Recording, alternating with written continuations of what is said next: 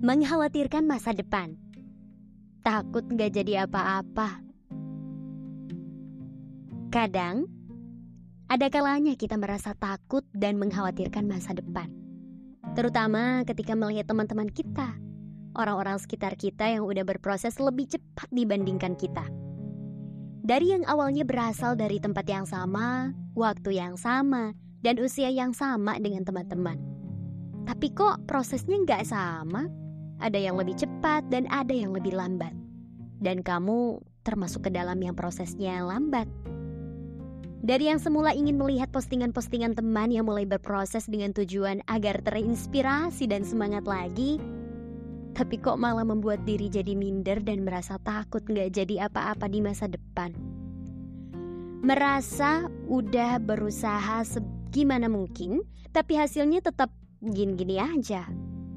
Semua yang kamu impikan sewaktu dulu rasanya sulit untuk digapai.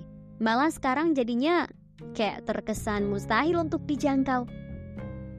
Pasti berat ya merasa perasaan seperti itu dan berada di fase tersebut. Tapi, kenapa kok bisa terjadi kayak gitu? Itu karena kamu membandingkan prosesmu dengan proses mereka. Melihat pencapaian orang-orang sekitarmu yang lebih cepat dari dirimu. Padahal keadaan awal tiap orang kan beda. Ada yang sedari awal sudah terlahir dalam keluarga yang serba berkecukupan, rumah yang nyaman, fasilitas yang lengkap, dana yang memadai. Akhirnya, yang perlu ia lakukan hanyalah berproses dalam pendidikannya dan fokus pada usaha-usaha yang dirinya lakukan sendiri. Sedangkan, ada orang lain yang terlahir dari keluarga yang belum cukup mapan, atau orang tua yang sudah usia renta, orang tua yang mulai sakit-sakitan, atau ada adik-adik yang perlu ia biayai pendidikannya karena orang tuanya sudah nggak sanggup untuk membiayai pendidikan adiknya. Akhirnya, itu menyebabkan fokus dia terbagi dan pengeluaran dia pun jadi lebih banyak porsi-porsi pembagiannya. Seperti orang yang pertama tadi, hidupnya sudah nyaman. Misalnya ketika dia buka bisnis nih dan mendapatkan profit dari bisnisnya. Dia bisa tuh menggunakan profit tersebut untuk mengembangkan bisnisnya lagi. Buka cabang.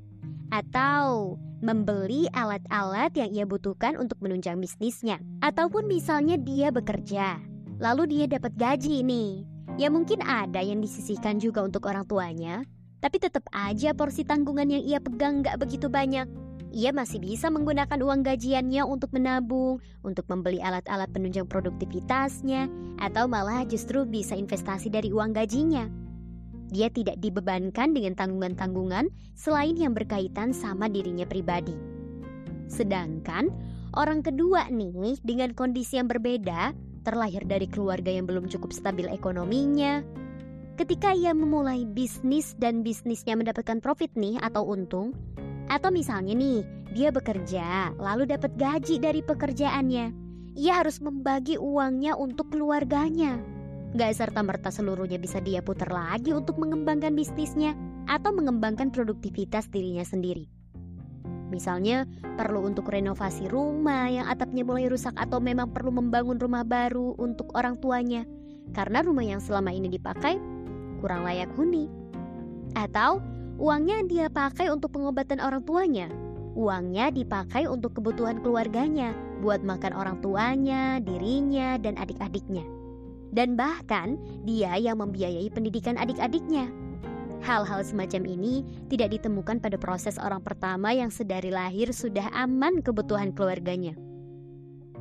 Jadi, dari sini aja kan udah kelihatan kalau keadaan awalnya tuh beda. Pembagian porsi pengeluarannya juga berbeda. Maka gak bisa toh disamakan prosesnya antara proses kamu dan proses orang lain.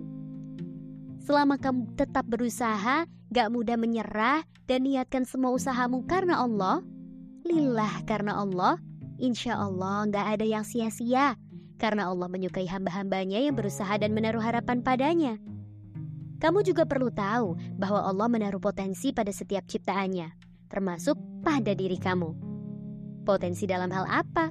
Potensi yang dimaksud di sini adalah bakat alami dalam setiap diri manusia, Allah tanamkan satu bakat alami yang bisa manusia itu kembangkan menjadi keahlian dasarnya. Eh, eh, gimana maksudnya? Nih, contoh sederhananya. Allah menaruh bakat alami pada diri kamu berupa kemampuan bermain bola. Kalau kamu melatih skill bermain bolamu, maka kamu akan lebih mudah jalannya dibandingkan orang lain yang melatih skill bermain bolanya. Kamu akan lebih diunggulkan dalam sepak bola. Sedangkan kalau kamu mencoba bermain basket, mungkin kamu tetap bisa. Tapi jalannya nggak akan semudah kalau kamu memilih jalan bermain bola. Begitu juga dengan kemampuan-kemampuan lain, seperti menyanyi. Seseorang yang ditanamkan bakat alaminya berupa menyanyi akan lebih mudah karirnya di bidang pernyanyian atau permusikan dibandingkan kalau dia mencoba berkarir di bidang programmer Android atau bidang lainnya yang gak berkaitan dengan menyanyi. Allah berkata dalam surah Al-Isra ayat ke-84. Katakanlah Muhammad, tiap-tiap orang berbuat menurut keadaannya masing-masing. Maka Tuhanmu lebih mengetahui siapa yang lebih benar jalannya. Nah, nah, nah. Jadi kamu gak perlu merasa minder, apalagi merasa takut gak jadi apa-apa di masa depan. Kamu hanya perlu menemukan bakat alamimu ada di mana. Kamu hanya perlu tahu potensi apa sih yang sebenarnya Allah tanamkan pada dirimu. Karena semua akan dimudahkan sesuai untuk apa yang ia diciptakan. Lalu nikmati setiap proses perjalanannya. Gak perlu membandingkan prosesmu dengan proses orang lain. Fokus dulu aja dengan dirimu sendiri.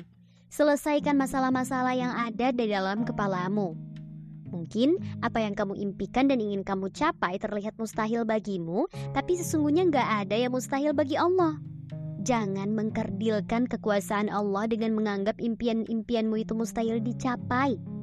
Setiap hari matahari dan bulan beserta planet-planet berputar pada poros orbitnya masing-masing.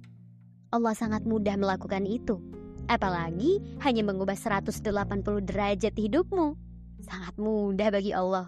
Easy, bukan sesuatu yang mustahil baginya.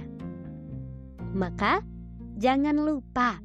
Jangan hanya mengandalkan dirimu sendiri ya, tapi juga andalkan dan libatkan Allah dalam setiap prosesmu. Agar apa pun yang terjadi dalam hidupmu, kamu bisa menerimanya dengan hati yang ikhlas dan dada yang lapang. Allah menyukai hambanya yang senantiasa berjuang dan berusaha.